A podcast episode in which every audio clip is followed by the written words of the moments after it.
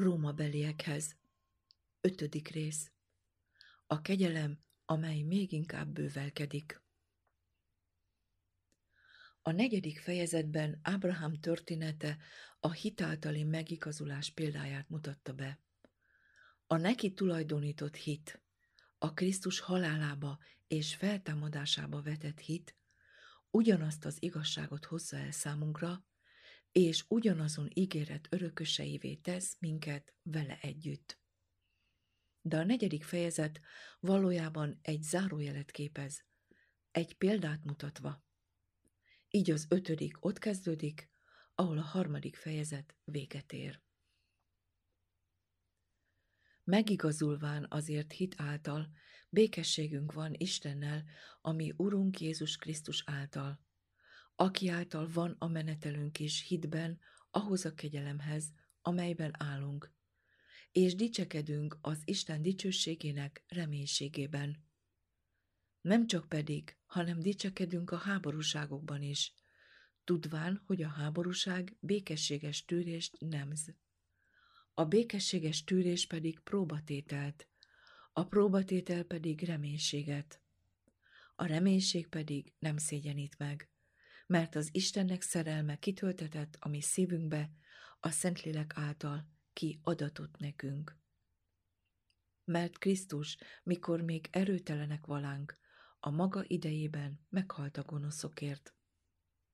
Bizonyára igazért is alig hal meg valaki, ám a jóért talán csak megmerne halni valaki.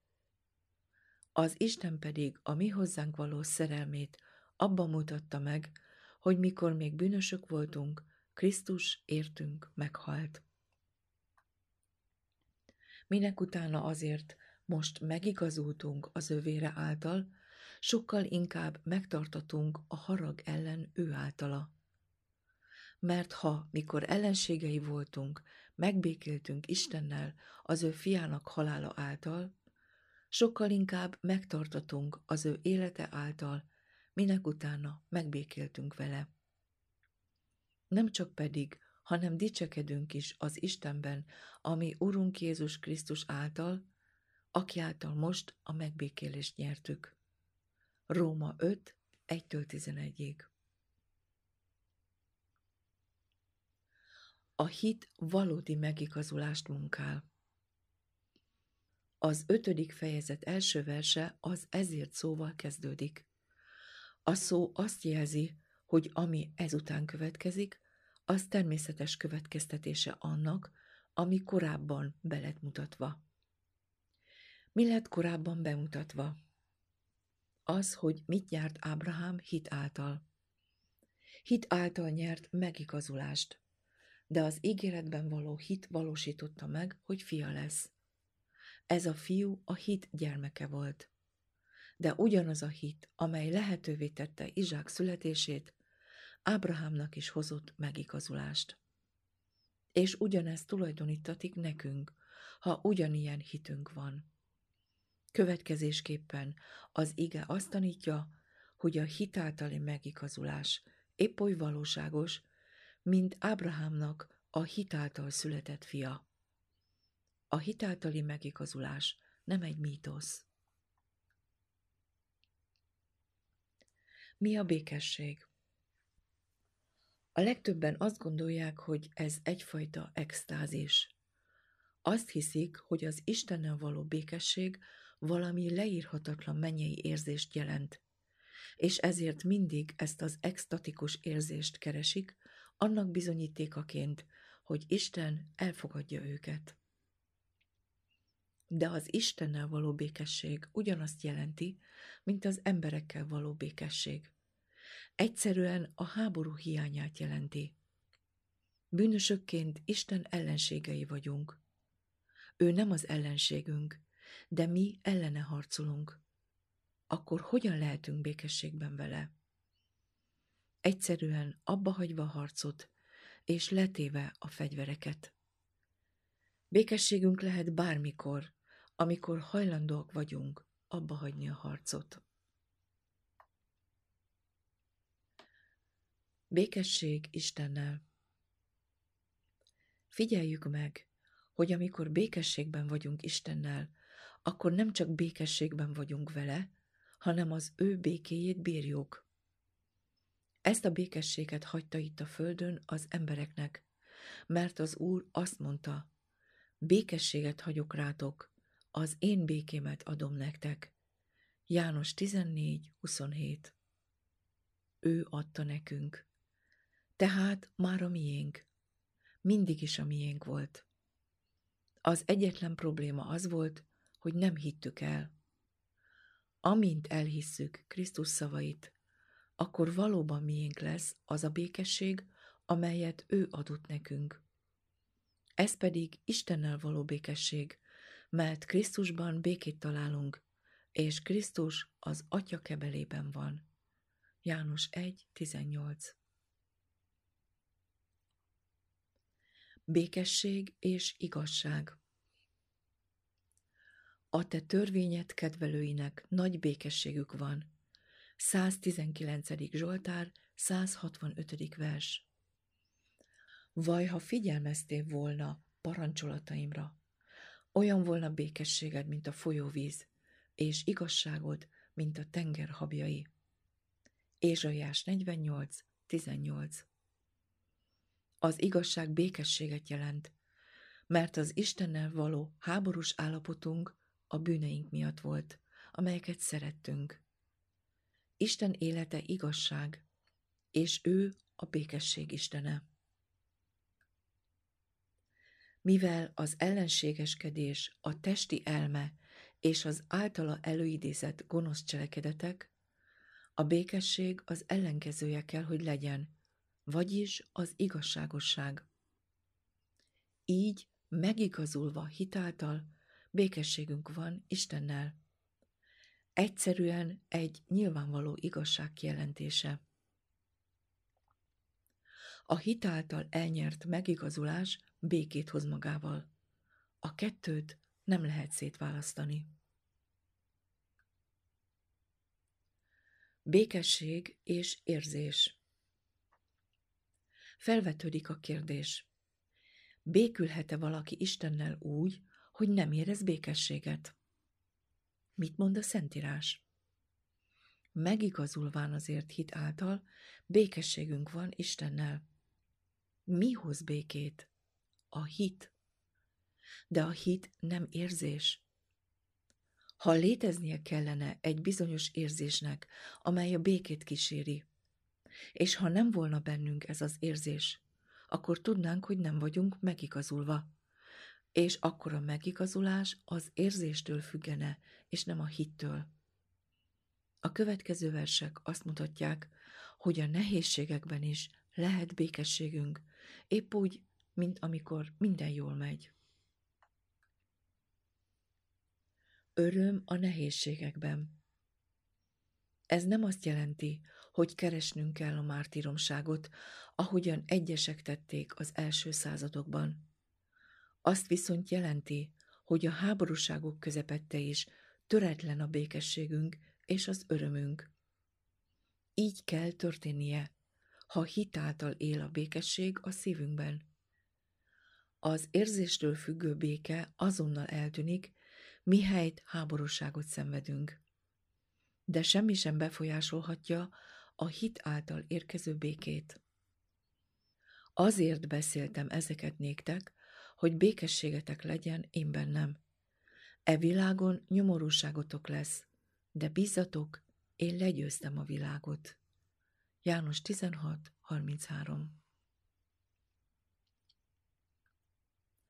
A szenvedés álhatatosságot, türelmet munkál. Mi a türelem? A szenvedésben való kitartás. A türelem szó gyökerének szenvedés az értelme. Ezt felismerjük abból is, hogy a beteget páciensnek nevezik. Azaz, ő a szenvedő. Az emberek gyakran azzal mentegetik ingerültségüket, hogy nekik annyi mindent kell elviselniük. Azt képzelik, hogy türelmesek lennének, ha nem kellene annyit szenvedniük. Nem, nem lennének türelmesek. Nem lehet türelem ott, ahol nincs szenvedés. A szenvedések nem lerombolják a türelmet, hanem fejlesztik. Amikor úgy tűnik, hogy a szenvedés tönkreteszi az ember türelmét, akkor ez csak azt mutatja, hogy az illetőnek egyáltalán nem volt türelme. Mikor munkálja a türelmet? A vers azt mondja, hogy a szenvedés álhatatosságot munkál. Ennek ellenére sokan egyre ingerlékenyebbé válnak, minél több szenvedésük van. Nekik nem hoz türelmet. Miért? Egyszerűen azért, mert nincsenek az apostol által leírt állapotban. Csak a hit által megigazultak számára munkált türelmet a szenvedés. Az Istenbe vetett hiten kívül semmi más nem teheti az embert tökéletesen türelmessé minden helyzetben. Mindig működni fog? Igen, változatlanul. Nos, mondhatná valaki. Biztos vagyok benne, hogy mindenki türelmetlen lenne, ha annyi baja lenne, mint nekem. A kérdés az, Krisztus türelmetlen lenne, ha minden szenvedésedet el kellene viselnie? Nem kellett neki ugyanennyit elviselni, sőt még többet? El kell ismerned, hogy igen, többet kellett elviselnie. Türelmetlenséget mutatott? Kínosztatott pedig alázatos volt, és száját nem nyitotta meg. Ézsaiás 53. 7 Tehát, ha ő a te helyedben volna, türelmes lenne. Akkor miért nem engeded őt a te helyedbe? A hit elhozza Krisztust a szívbe, hogy azonosuljon velünk, és következésképpen ő hordozza a terheket. Vessed az Úrra a te terhedet, ő gondot visel rólad, és nem engedi, hogy valamikor ingadozzék az igaz. 55. Zsoltár, 23. vers Minden kitartásra A Krisztusba vetett hit által elnyert türelemnek nincs határa. Ez az ihletet ima hogy járjatok méltóan az Úrhoz, teljes tetszésére, minden jó cselekedettel gyümölcsöt teremve, és növekedve az Isten megismerésében, minden erővel megerősítetve az ő dicsőségének hatalma szerint, minden kitartásra és hosszú tűrésre örömmel. Kolossé 1, 10-11 vagyis annyira megerősödhetünk azon dicsőséges erő által, amely által Krisztus elviselte a szenvedést, hogy teljes türelemmel lehetünk, és örülhetünk még hosszantartó szenvedés esetén is. A türelem pedig tapasztalatot munkál. Miben munkál tapasztalatot? Isten békéjében munkál tapasztalatot, ami Urunk Jézus Krisztus által. Sokan összetévesztik a keresztény tapasztalatot a hit megvallásával. Azt mondják, hogy sok évnyi keresztény tapasztalattal rendelkeznek, miközben nagyon valószínű, hogy soha nem tapasztalták igazán Krisztus életének áldását. Hitvallást tettek, de az igazi tapasztalat Krisztus élete erejének megnyilvánulása. Amikor valakinek ilyen tapasztalata van, nem nehéz beszélnie tapasztalatáról, amikor alkalom nyílik rá. Nem szégyenít meg. A reménység nem szégyenít meg. Miért? Mert Isten szeretete kitöltetett a szívünkbe. És most, fiacskáim, maradjatok ő benne, hogy mikor megjelenik, bizodalmunk legyen, és meg ne szégyenüljünk előtte az ő eljövetelekor. 1 János 2.28 Azzal lesz teljessé a szeretet közöttünk, hogy bizodalmunk van az ítélet napjához, mert amint ő van, úgy vagyunk mi is e világban. 1 János 4, 17 Nem létezhet nehezebb nap az ítélet napjánál. Következésképpen egészen bizonyos, hogy azok, akik akkor nem szégyenülnek meg és nem félnek, azoknak most is bizodalmuk van. Akinek pedig bizodalma van Istennel, annak semmiképpen nem kell félnie az emberektől. Isten szeretete Az ok, ami miatt a reménység nem szégyenít meg, az, hogy Istennek szeretete kitöltetett a szívünkbe a Szentlélek által. Figyeljétek meg, hogy nem az Isten iránti szeretetről olvasunk, hanem Isten szeretetéről. Mi Isten szeretete? Mert az az Isten szeretete, hogy megtartjuk az ő parancsolatait. 1 János 5, 3 Tehát a Szentlélek szívünkbe helyezi az Isten törvénye iránti engedelmességet, és ez bátorságot ad nekünk az ítélet napján minden más körülmény között. A bűn az, ami miatt az emberek félnek. Amikor a bűn el van távolítva, akkor a félelem eltűnik. Minden istentelen fut, ha senki nem üldözi is. Az igazak pedig, mint az ifjú oroszlán, bátrak. Példabeszédek 28. 1. Krisztus meghalt a gonoszokért. Igaz beszéd ez, és teljes elfogadásra méltó, hogy Krisztus Jézus azért jött e világra, hogy megtartsa a bűnösöket. 1 Timóteus 1.15 Ez bűnösöket fogad magához.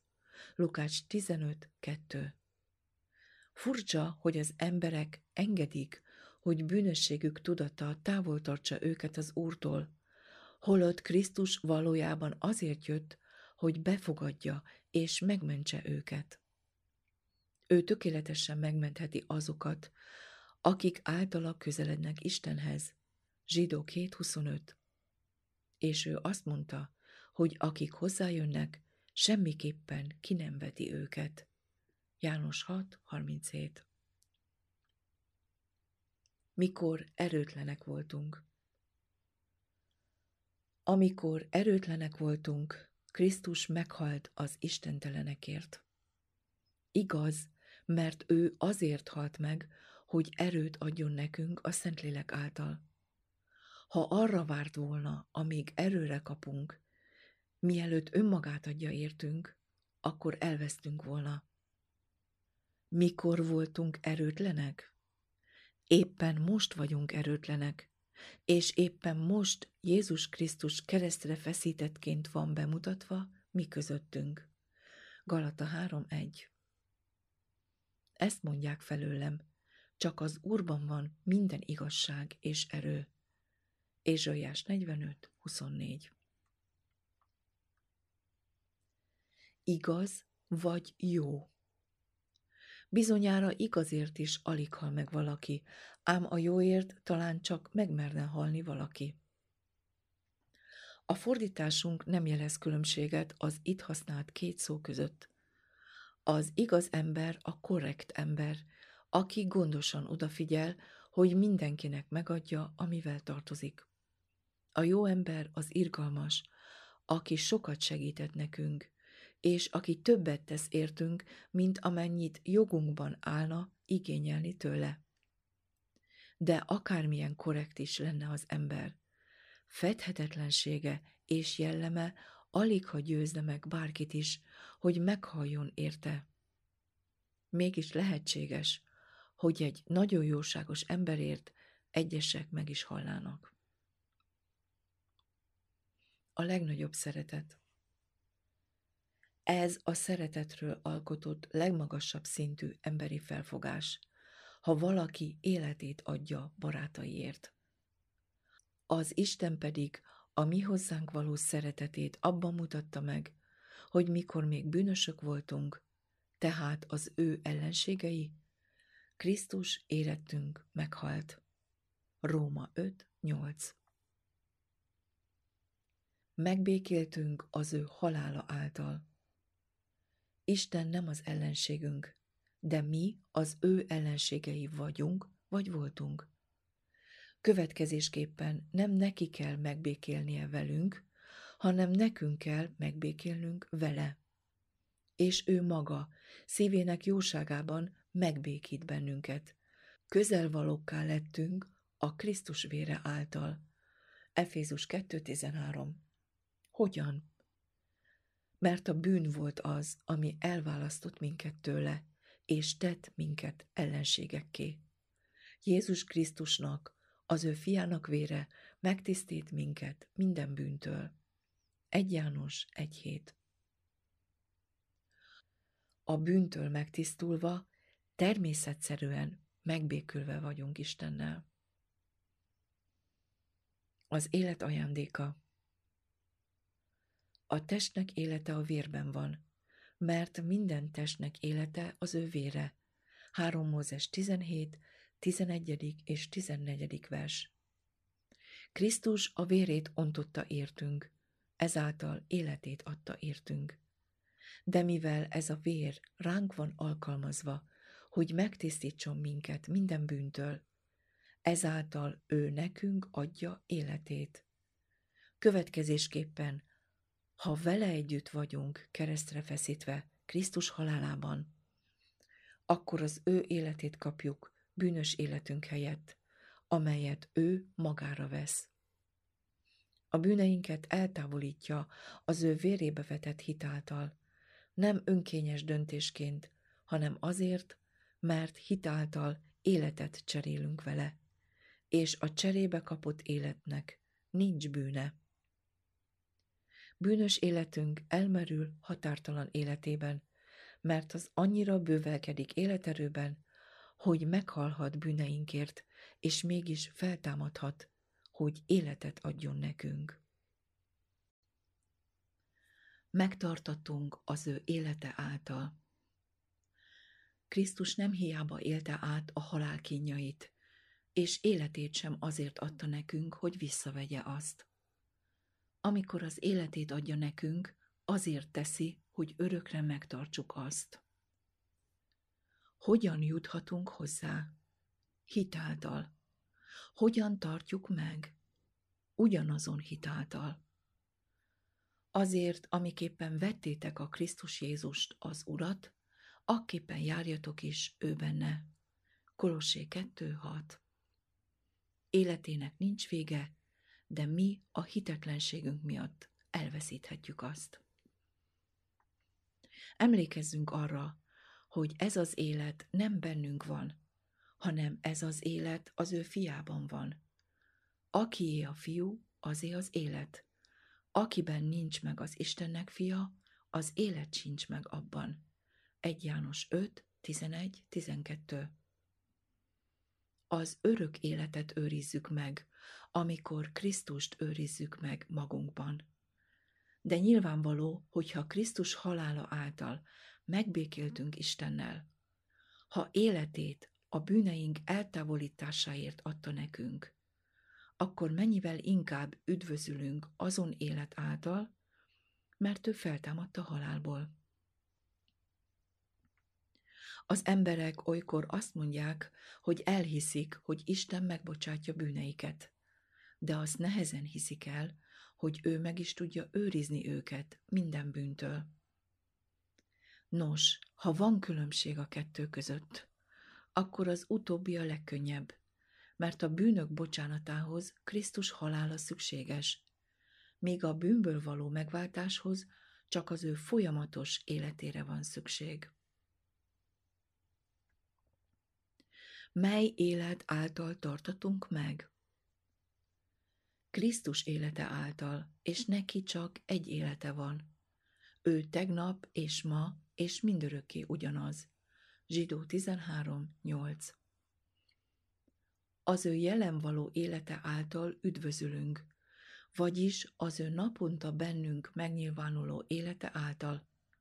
De az élet, amelyet ő most él, ugyanaz az élet, mint amelyet 18 évszázaddal ezelőtt élt Júdeában. Ő ugyanazt az életet vette vissza, amit letett. Gondolkodjatok, milyen volt Krisztus élete, ahogy az új szövetségben le van írva. És tudni fogjuk, milyennek kellene lennie most napjainkban életünknek. Ha megengedjük, hogy bennünk lakozzon, ő pontosan úgy fog élni, ahogy akkor élt. Ha van valami az életünkben, ami abban az időben nem volt az ő életében, akkor biztosak lehetünk benne, hogy ő most nem éli bennünk az életét. Istenben való öröm. Ugyanazon élet által, amelyen keresztül a megbékélést és az üdvösséget kapjuk, örvendünk is Istenben. Róma 5.11 Krisztus élete örömteli élet. Amikor Dávid védkezett, így imádkozott. Add vissza nekem szabadításod örömét, és az engedelmesség lelkével támogass engem.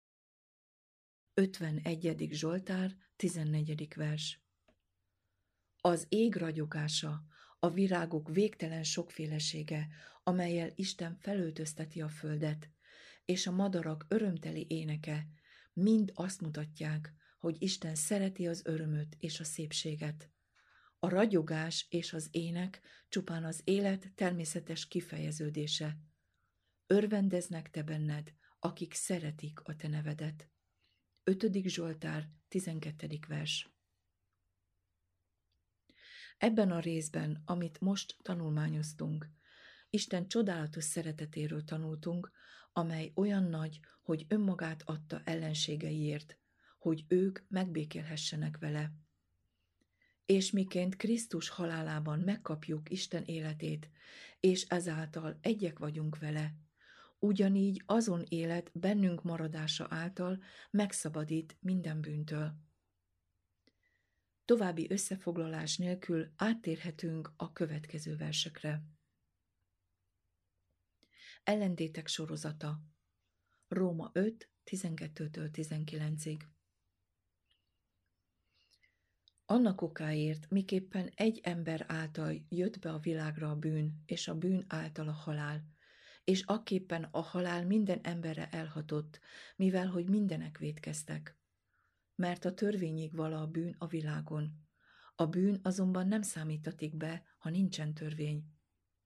Úgy de a halál uralkodott Ádámtól Mózesig azokon is, akik nem az Ádám esetének hasonlatossága szerint védkeztek, aki ama következendőnek kiábrázolása vala de a kegyelmi ajándék nem úgy van, mint a bűneset.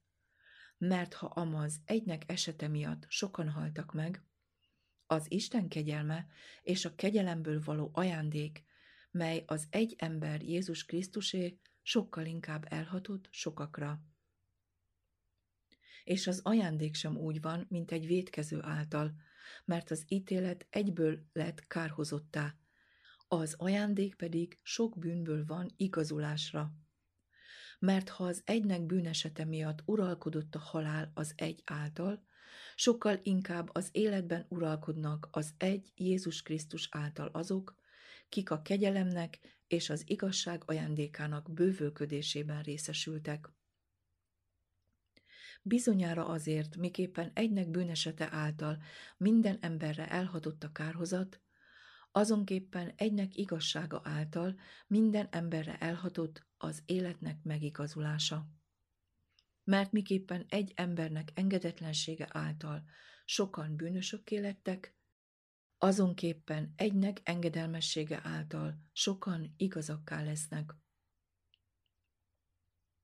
Valószínűleg nincs más, nehezebben érthető szakasz a Róma beliekhez írott levélben, mint a 12-től 19. tartó versek. Ennek az az oka, hogy olyan hosszú zárójel van a főmondat közepén, és ugyanaz a kifejezési forma sokszor ismétlődik. Valójában nincs egyetlen nehézség sem. Ebben a tanulmányban nem kíséreljük meg, hogy minden részlettel foglalkozzunk, hanem az érvelés főszálát követjük, amely végigvonul az egész részen, hogy az olvasó hasznosabban tudjon olvasni és tanulmányozni saját maga. Első alapelvek A tizenkettedik verstől látjuk, hogy az apostol a legelejére tér vissza. Egy ember által jött be a világra a bűn, és a bűn által a halál, és akképpen a halál minden emberre elhatott, mivel hogy mindenek védkeztek. Az evangélium nem hirdethető ezen igazságok nélkül. Bűn által a halál. A halál a bűn által jött a világba, mert a bűn maga a halál. A bűn, ha egyszer elkövetik, halált hoz. Jakab 1.15 Mert a testen gondolata halál.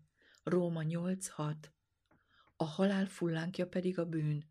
1 Korintus 15.56 A halál nem létezne, ha nem lenne bűn. A bűn a halált hordozza a kebelében. Tehát nem önkényes döntés volt Isten részéről, hogy a halál elhatott minden emberre a bűn miatt. Nem is lehetne másként. Igazság és élet Lelkileg gondolkodni nem más, mint élet és békesség. Róma 8.6 Senki sem jó, csak egy az Isten. Máté 19.17 Ő a megtestesült jóság. Következésképpen az igazság az élet. Ez nem pusztán egy felfogás arról, hogy mi a jó, hanem önmagában az igazság. Az igazság aktív. Ahogy a bűn és a halál elválaszthatatlanok, ugyanúgy az igazság és az élet is. Lám elődbe adtam neked az életet és a jót, a halált és a gonoszt. 5 Mózes 30.15 A halál minden emberre elhatott. Vegyétek itt észre az igazságosságot. A halál minden emberre elhatott, mert minnyájan védkeztek. Amely lélek védkezik, annak kell meghalnia. A fiú ne viselje az apa védkét, se az apa ne viselje a fiú védkét. Az igazon legyen az ő igazsága, és a gonoszon az ő gonoszsága. Ezékiel 18.20 És ez nem más, csak a következménye annak, hogy a bűn magában hordozza halált, és a halál nem jöhet másként, mint a bűn által. A következtetés Figyeljük meg, hogy a tizenkettedik vers elkezd egy mondatot, amely még nem fejeződik be.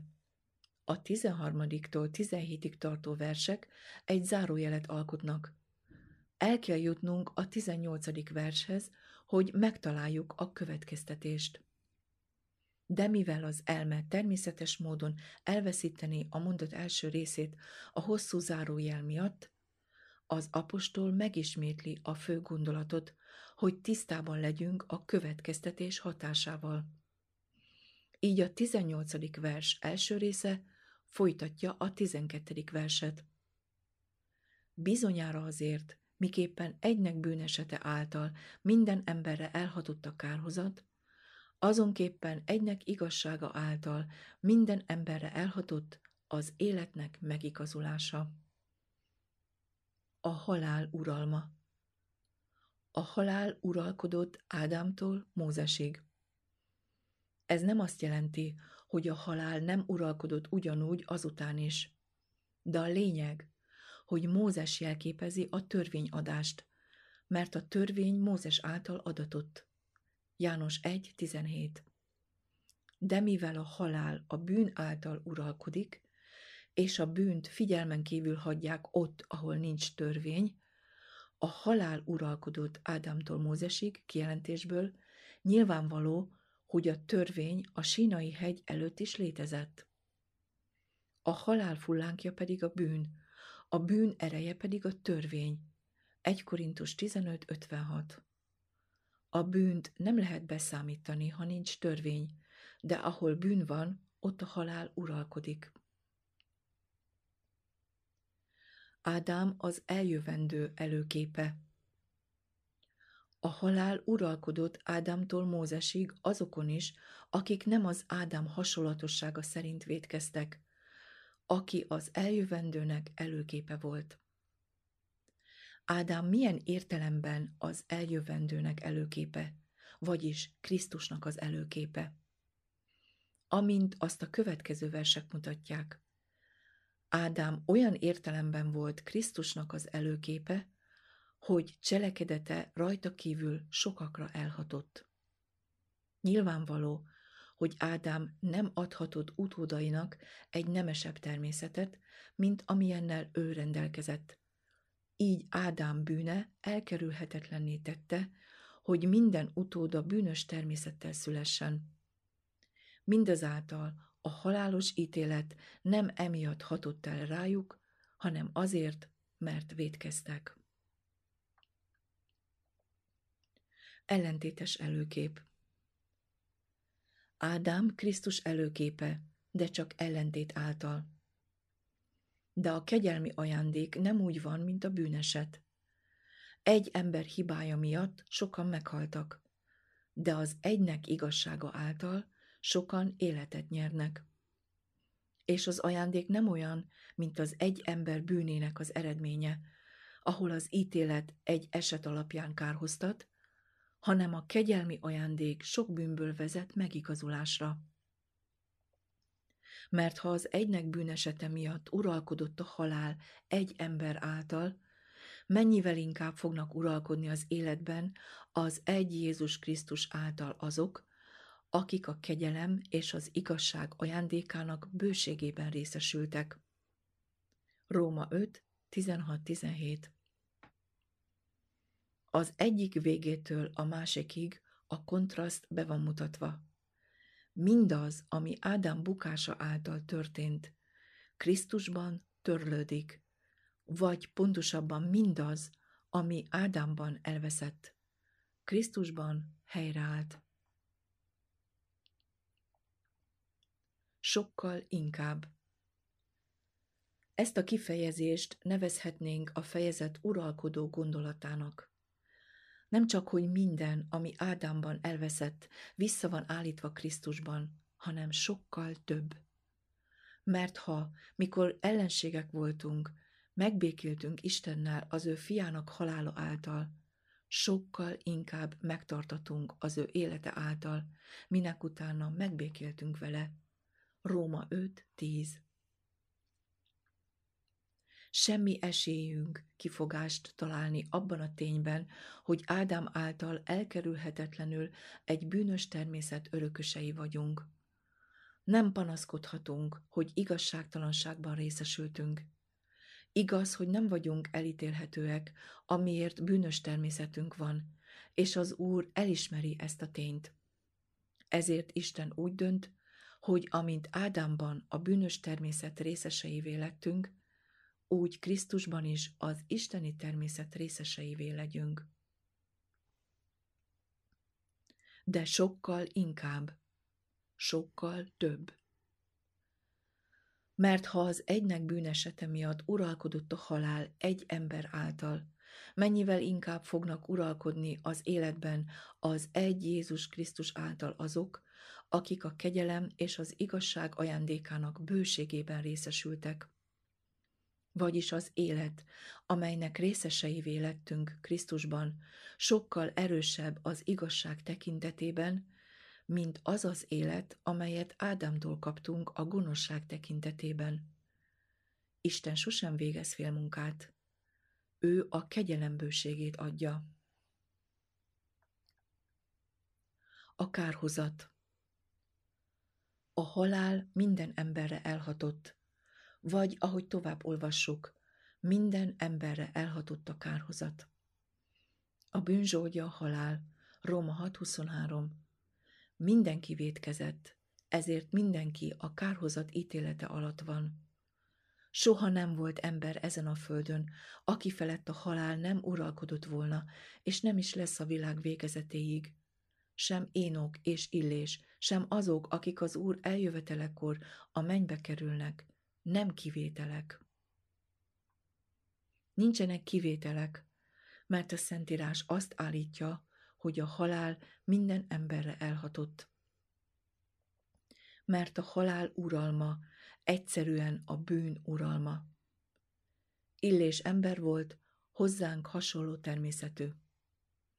Énok csak hit által igazult meg. Természete ugyanolyan bűnös volt, mint bármely más emberé. Tehát a halál rajtuk is uralkodott, ugyanúgy, mint másokon. Mert emlékeznünk kell arra, hogy a sírba szállás, amit temetéskor oly gyakran látunk, nem a bűn büntetése. Ez csak annak a bizonyítéka, hogy halandók vagyunk. A jó és a rossz emberek is meghalnak. Ez nem a kárhoztatás, mert emberek az Úrban örvendezve halnak meg, sőt, győzelmi énekeket énekelve. Az életnek megigazulása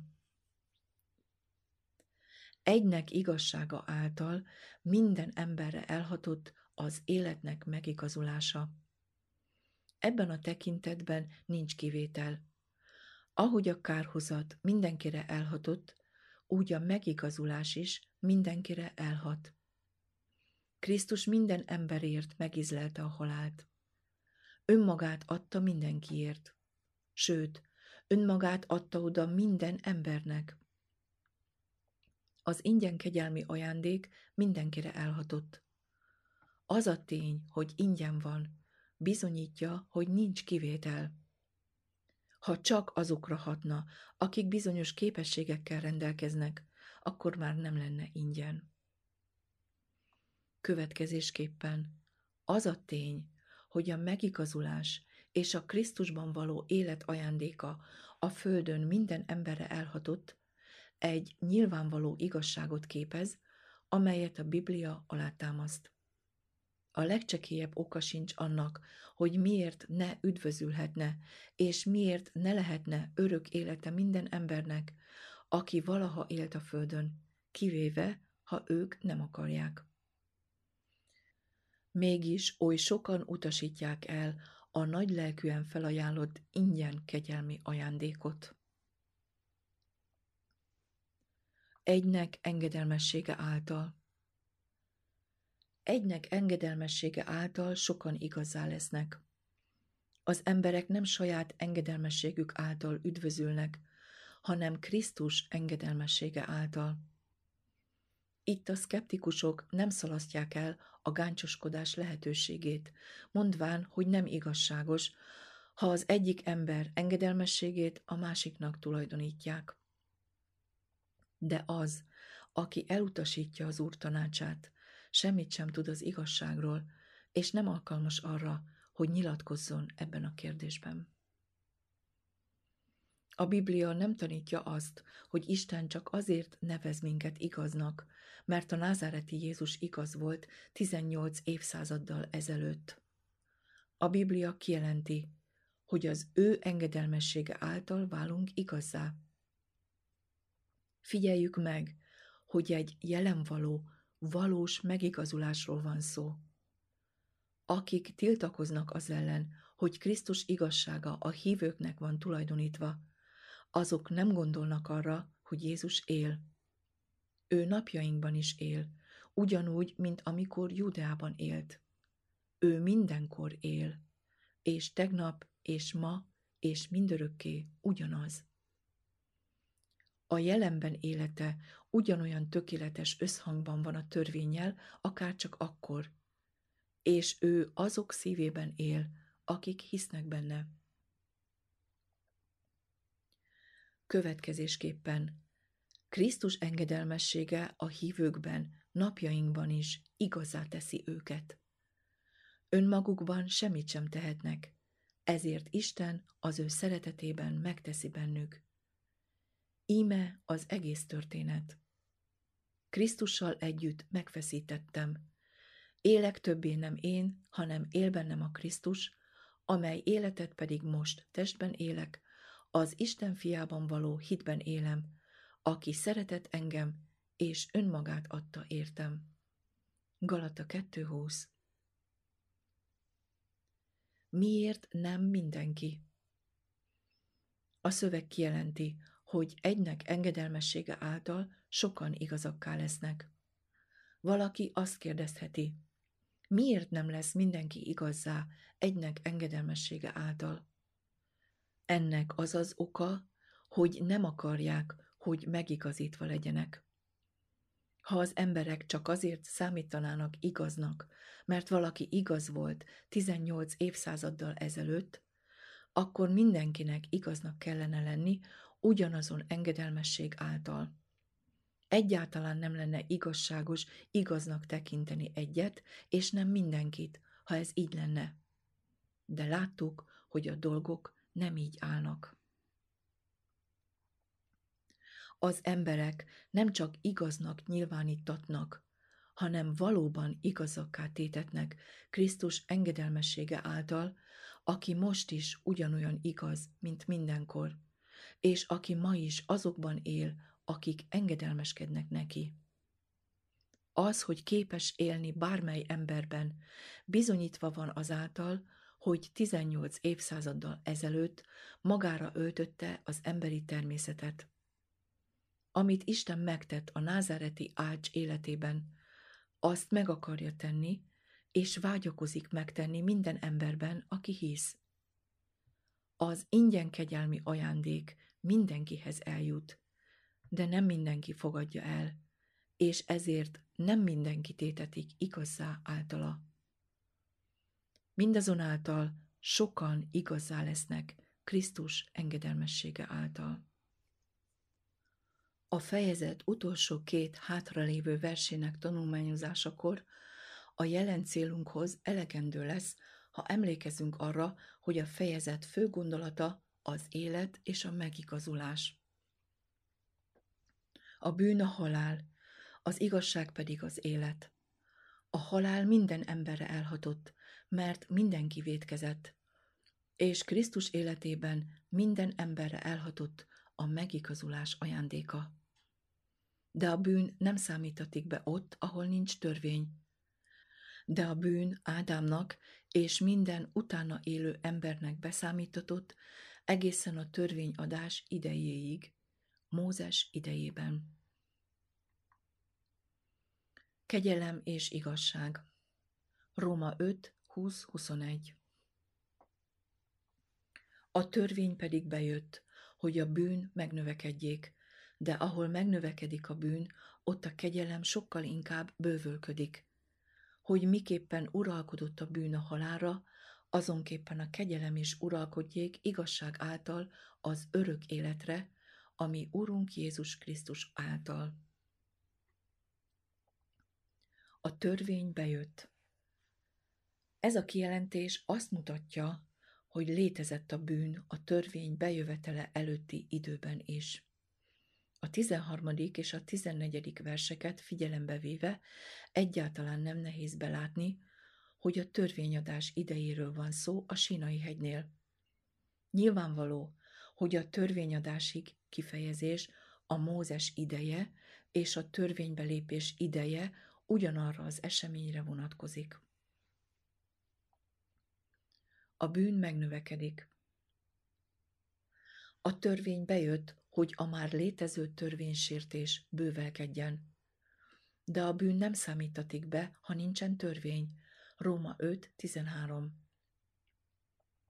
Következésképpen biztosak vagyunk abban, hogy a törvény már a világban volt a törvény bejövetelének ideje előtt, vagyis a sínai kihirdetése előtt is. Ezt tanultuk a 13.-14. versekből. Valójában nem volt lehetséges, hogy a törvény megsokasítsa a már létező bűnt. Csak kidomborítani tudta, vagyis még tisztábban rámutatott a valódi természetére. Ahogy a Róma 7. rész 13. versében olvassuk, ez azért történt, hogy a bűnnek a bűn mi volta nyilvánvalóvá legyen.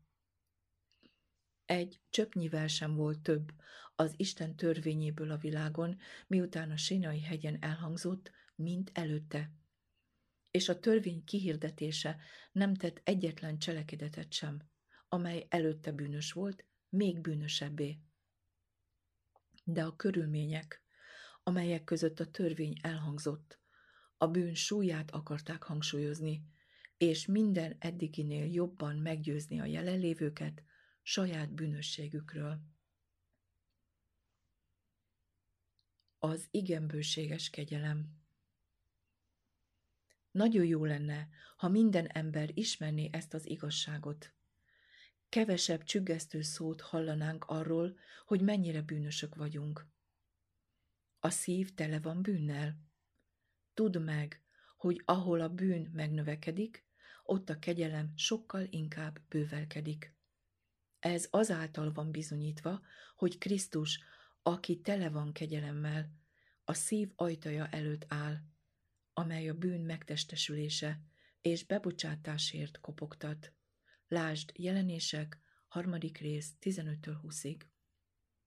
Igaz beszéd ez, és teljes elfogadásra méltó, hogy Krisztus Jézus azért jött a világra, hogy megtartsa bűnösöket, akik közül első vagyok én.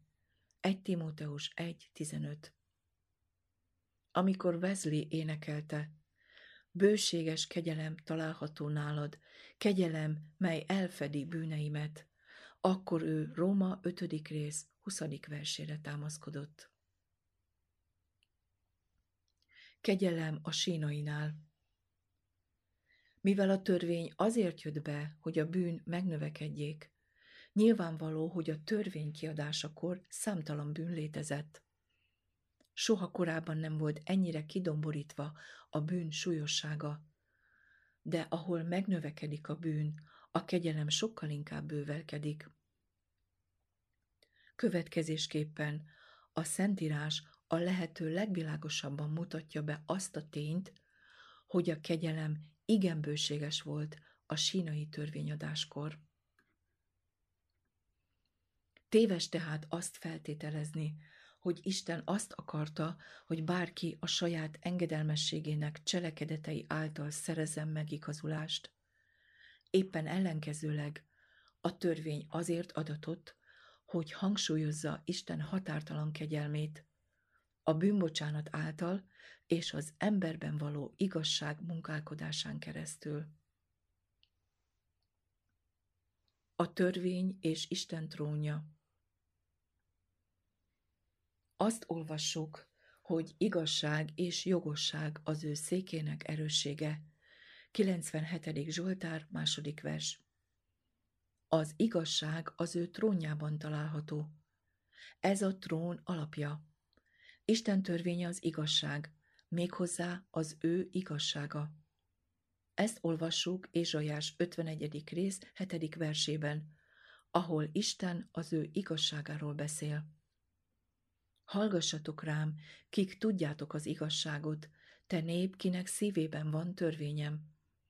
Ez azt jelenti, hogy csak azok ismerik az ő igazságát, akiknek szívében van Isten törvénye. Ezért az ő törvénye az ő igazsága. És az a kijelentés, miszerint az igazság az ő trónjának alapja, azt mutatja, hogy Isten törvénye az ő trónjában van. Ő az igazság trónján ül. Bizonyítékok a sátortól. Istennek a Mózes által épített sátorban kellett laknia, és készítsenek nékem szent hajlékot, hogy közöttük lakozzam.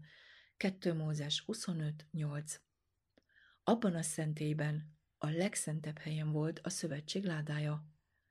Ezt a ládát 2 Mózes 25. rész 10-től 22-ig terjedő versek írják le. A szövetség ládájának fedelét az irgalom trónjának hívják. Ezen a fedélen két aranykérub volt. A szövetségládában az irgalom trónja alatt a törvénytáblái voltak. Lásd 2 Mózes 25, 16-tól 21-ig, és 5 Mózes 10, első öt verse. A kérubok között az irgalom trónján és a törvény táblái fölött Isten dicsősége nyilvánult meg, és onnan szólt Isten a néphez. 2 Mózes 25-22 A kettő királyok 19-15. versben és a 80. Zsoltár második versében azt olvassuk, hogy Isten a kérubok között ül.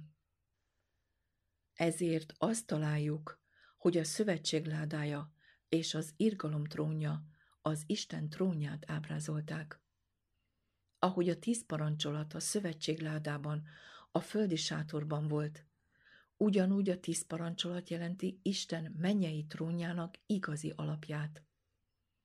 Azt is megemlíthetjük, hogy mivel a földi szentély mása volt a valódi mennyei szentélynek, ez arra tanít minket, hogy a mennyben lévő törvény, amely az Isten trónjában van, megegyezik a sínai hegyen kihirdetett és kőtáblákba vésett törvényel, amely a szövetség ládában lett helyezve. Isten trónja és a sínai hegy. Megértettük, hogy Isten törvénye az ő trónjának igazi alapja. Ez elvárható volt, hiszen minden kormány alapja a törvénye, a trón pedig egyszerűen a törvényt képviseli. Isten törvényének trónja a Sinai hegy volt, amikor a törvényt kihirdette.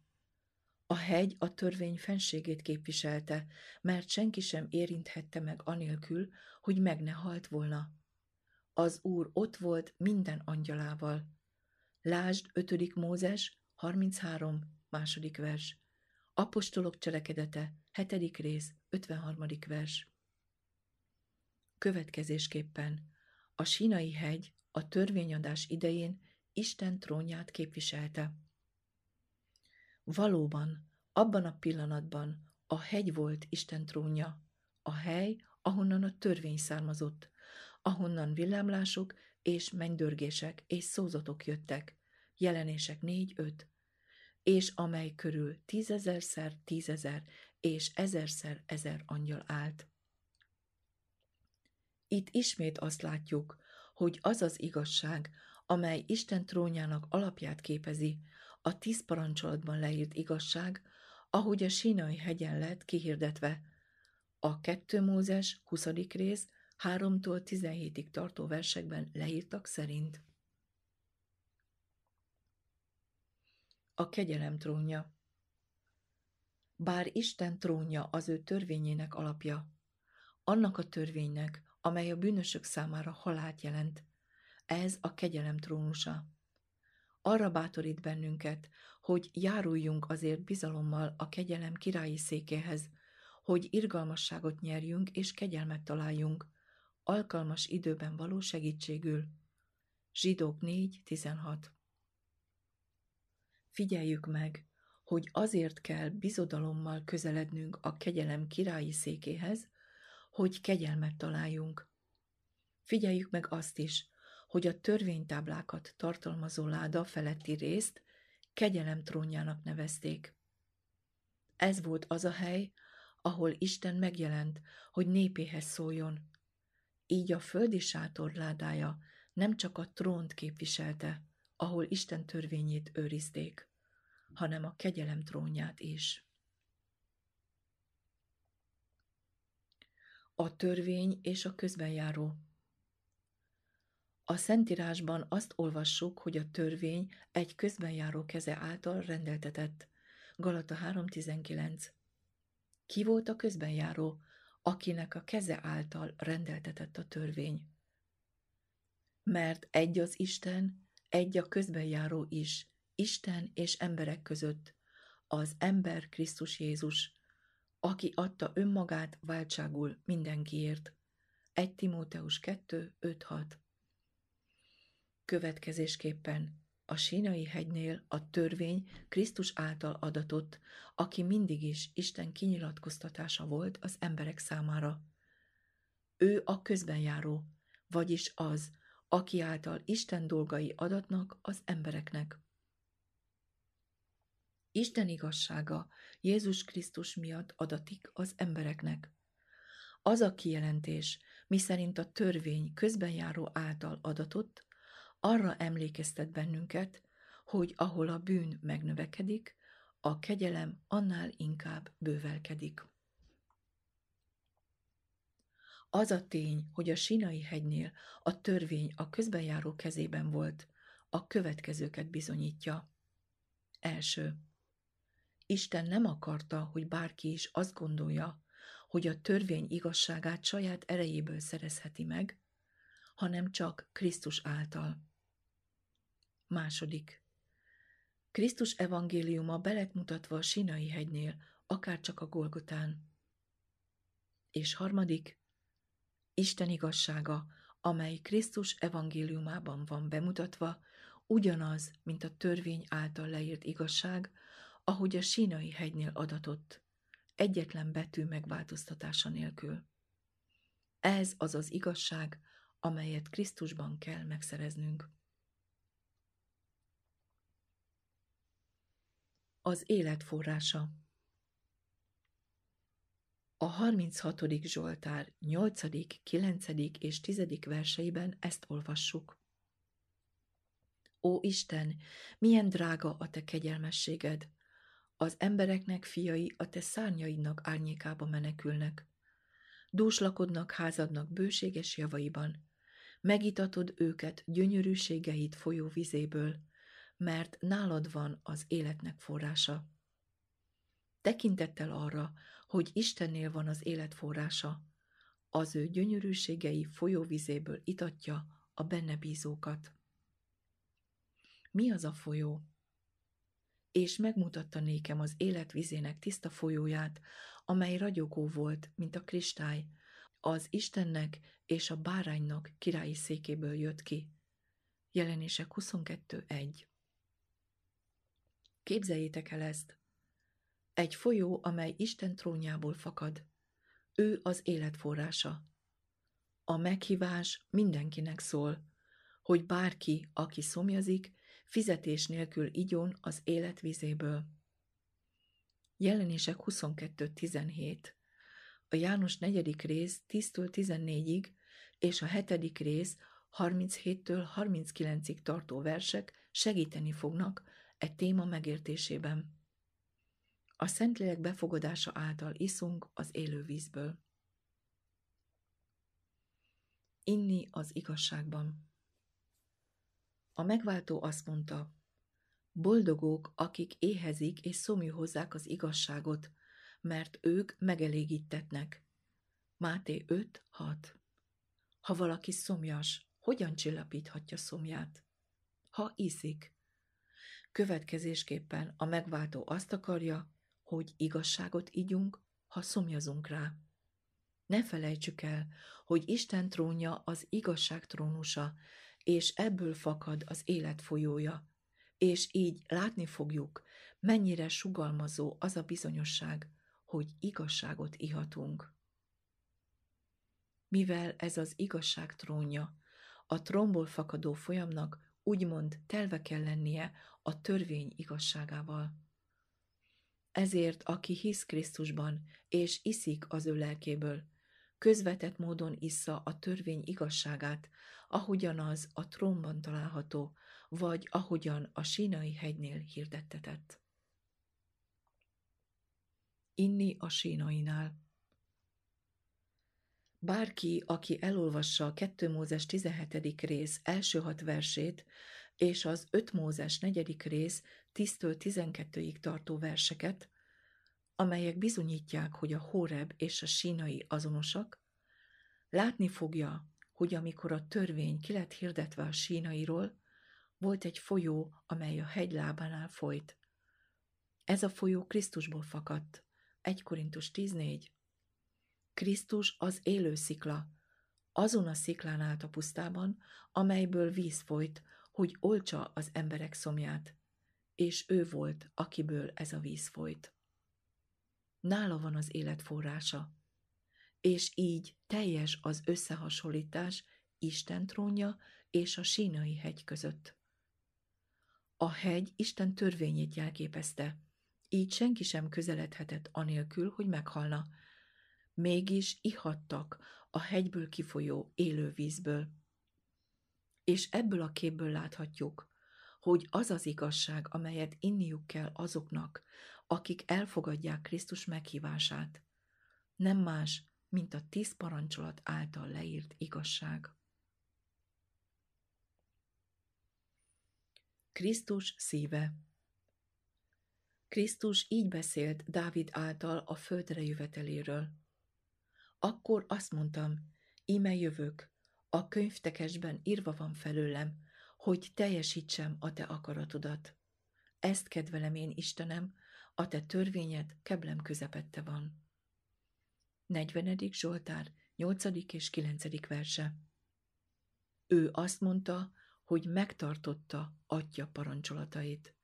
János 15.10 Annyira jól megtartotta a parancsolatokat, hogy megtartotta a hetedik napi szombatot, amit sokszor zsidó szombatnak bélyegeznek.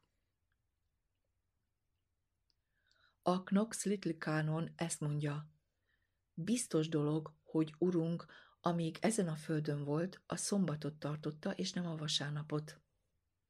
Ez az igazság, de nem azért, mert Knox Little tiszteletes mondta, hanem mert a Biblia ezt tanítja.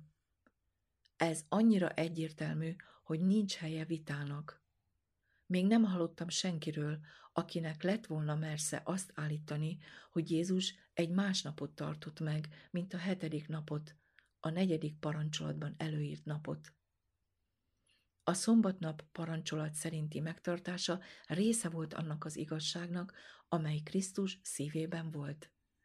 És mivel Krisztus ma és mindörökké ugyanaz, az igazság még mindig a szívében van. Örök élet Krisztus által. Azonképpen a kegyelem is uralkodjék igazság által az örök életre, ami Urunk Jézus Krisztus által. Krisztus életen nekünk és értünk adatott a kereszten. Azáltal, hogy vele együtt megfeszítettünk, vele együtt élni is fogunk. Galata 2.20 és Róma 6.8 Isten volt az, aki Krisztusban megbékéltette magával a világot. 2 Korintus 5.19 Az ő szívében volt a törvény, így Krisztus szíve valójában Isten trónja volt. Így mi a belül megkoronázott Krisztusról énekelünk. Amikor Krisztus a kereszten függött, egy a vitézek közül dárdával döfte meg az ő oldalát, és azonnal vér és víz jött ki abból. János 19.34 Ez az élet forrása, amely mindenki számára ingyen folyt. Krisztus szívéből fakadt, amelyben Isten törvénye volt. Így felfedezzük, hogy a sínai, a Golgota és a Sion ugyanazt jelentik. A sínai és a Golgota nincsenek ellentmondásban egymással, hanem egységben állnak. Mindkettő ugyanazt az evangéliumot és ugyanazt a törvényt mutatja be. Az élet, amely a Golgotáról árad hozzánk, a sínai hegyen elhangzott törvény igazságát hozza el nekünk. Kegyelem igazság által. Így látjuk, hogy a kegyelem az igazság által uralkodik az örök életre. Az örök élet Krisztusban található, mert az ő élete az való Isten élete, aki öröktől fogva mindörökké létezik. De Isten élete a törvény. Isten kegyelme Krisztus élete által árad ránk, és elhozza nekünk annak igazságát. Így Krisztusban a törvényt úgy kapjuk meg, ahogy a sínainál adatott, vagyis azért, hogy éljünk. Következésképpen Isten kegyelmének felbecsülhetetlen ajándékát elfogadni annyit jelent, mint alárendelnünk magunkat neki, hogy Krisztus bennünk lakhasson, és bennünk élje meg a törvény igazságát, amint az a sínai hegynél ki lett jelentve, és őrizve az Isten trónjában. Az életnek ez a folyama még mindig Krisztusból fakad. Így hát befogadva őt, bennünk lesz az örök életre buzgó víznek kútfeje.